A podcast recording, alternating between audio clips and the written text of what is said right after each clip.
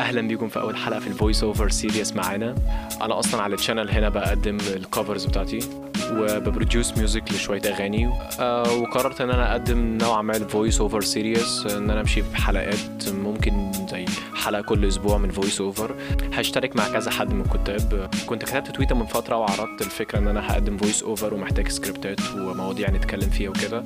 والحمد لله في ناس كتير آه، بعتت وما شاء الله عليهم يعني كلهم كويسين جدا. آه، أتمنى مواضيع الحلقات تعجبكم إن ال voice over يعجبكم. ولو عندكم أي آراء ممكن تسيبوها في ال comments تحت. وطبعا لو عجبكم الفيديو ما تنسوش تعملوا like أو share مع أصحابكم. وشكرا.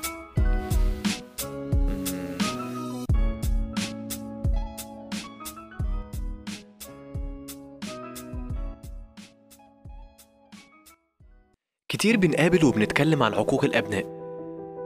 لكن عمرنا ما اتكلمنا عن عقوق الآباء اللي بيعتبر السبب الأول للنوع الأول من العقوق. بيبدأ الصراع من وإحنا عيال صغيرين. لما بيحاولوا يصبوا فينا كل أفق المثالية بالغضب والتهديد والعقاب. عشان يخلقوا قالب مثالي دراسيا وأخلاقيا. ولكن بدورهم ده وعدم مراعاة اختلافات شخصيتنا وتفاوت القدرات وميول ابن عن الآخر قدروا إنهم يخلقوا فجوة كبيرة ما بيننا ونوع من عدم الاستقرار والذبذبة. بنفضل نتعامل عن الأب اللي بيتجاهل كيان ابنه المختلف أو عن الأم اللي بتقدم التقاليد والثقافة المختلفة كقيد وأغلال لضمان احترام وأدب البنت. كبت الاختلافات فينا على المدى البعيد بيخلق حركة عدم رضا والشعور بالتحفز دايما تجاه أهلنا وده بيكون لا إراديا. والمثير للسخرية لما بنلاقيهم معترضين على تمردنا اللي بيعتبر نتيجة إن إحنا ما لقيناش حد يسمعنا فيهم. ومن صور العقوق إن الأهل دايما فاكرين إن ليهم الحق الأوحد وإن إحنا دايما على خطأ. ونوافقونا على رأي فده يعتبر ضعف وعدم سيطرة. مع إن كل الدراسات والتجارب أثبتت إن المحاورة والمناقشة ما بين الأهل وأبنائهم بيخلق نوع من الثقة والحب لكن مسألة إن أهلنا ما بيغلطوش هي دي الفجوة الكبيرة بعينها. ما نقدرش ننكر إن أحيانا بتحصل الفجوات دي بدوافع لا شعورية بحافز الخوف على الأبناء وإنهم بيحاولوا يواجبوا الزمن واختلافه من ناحية وبيحافظوا على العادات والتقاليد من ناحية تانية. وفي دوافع شعورية بتكون تحت بند فرض السيطرة وإظهار صور الاستبداد. فيتكون طفل ضعيف الشخصية وسهل السيطرة عليه. في جملة لطيفة جدا قريتها بتقول كثيرا ما يسقط من حساباتنا أن تربية الأطفال علم له أصول وفنون. ما نقدرش نختلف إن التربية في الزمن ده صعبة ومحتاجة وقت ومجهود من طرفين وعمر ما دور التربية يقدر إنه يقتصر على الأم بس كالمفهوم الشائع. التغيرات المستمرة في كافة العالم والمجالات ليها دور كبير بيأثر على جيلنا بشكل ملحوظ.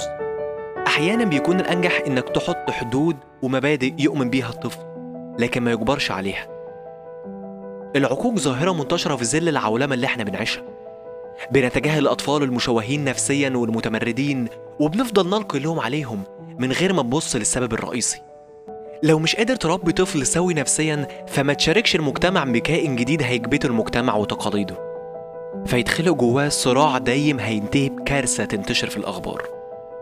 اتعلموا التكيف والتطور. عشان تخلفوا طفل صالح يضيف للمجتمع شيء مش ياخد من روحنا شيء من الحزن والندم ويمشي.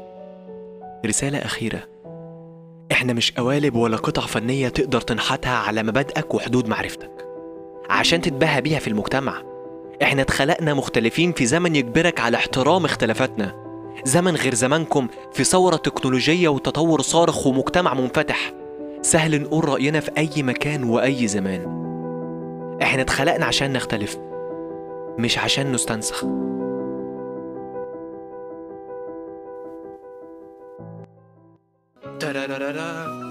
مفيش Snoop Dogg كده؟ مفيش مفيش. أو and the final في الآخر كده اللي هو like أتمنى إن الحلقة دي تكون عجبتكم والموضوع عجبكم. لو طبعا عجبكم الموضوع أو عندكم أي recommendations أو أي نصايح في موضوع ال voice over أو في السكريبتات فممكن تسيبوها في ال comments تحت. okay. أنا دي غالبا يعتبر أول مرة أتكلم فيها يعني قدام الكاميرا. آه، ما بعملش كده كتير. ب avoid يعني. بس I guess الموضوع لذيذ يعني. لو مش قادر تربي طفل سوي نفسيا.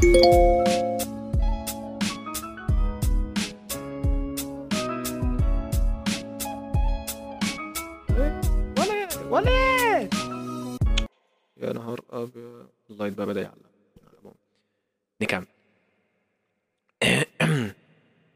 لو مش قادر تربي طفل سوي نفسيا. آه يا نهار أبيض. يا نهار أبيض.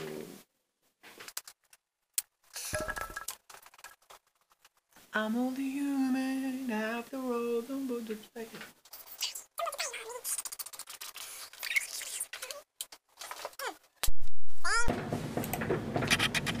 and see you in another video inshallah.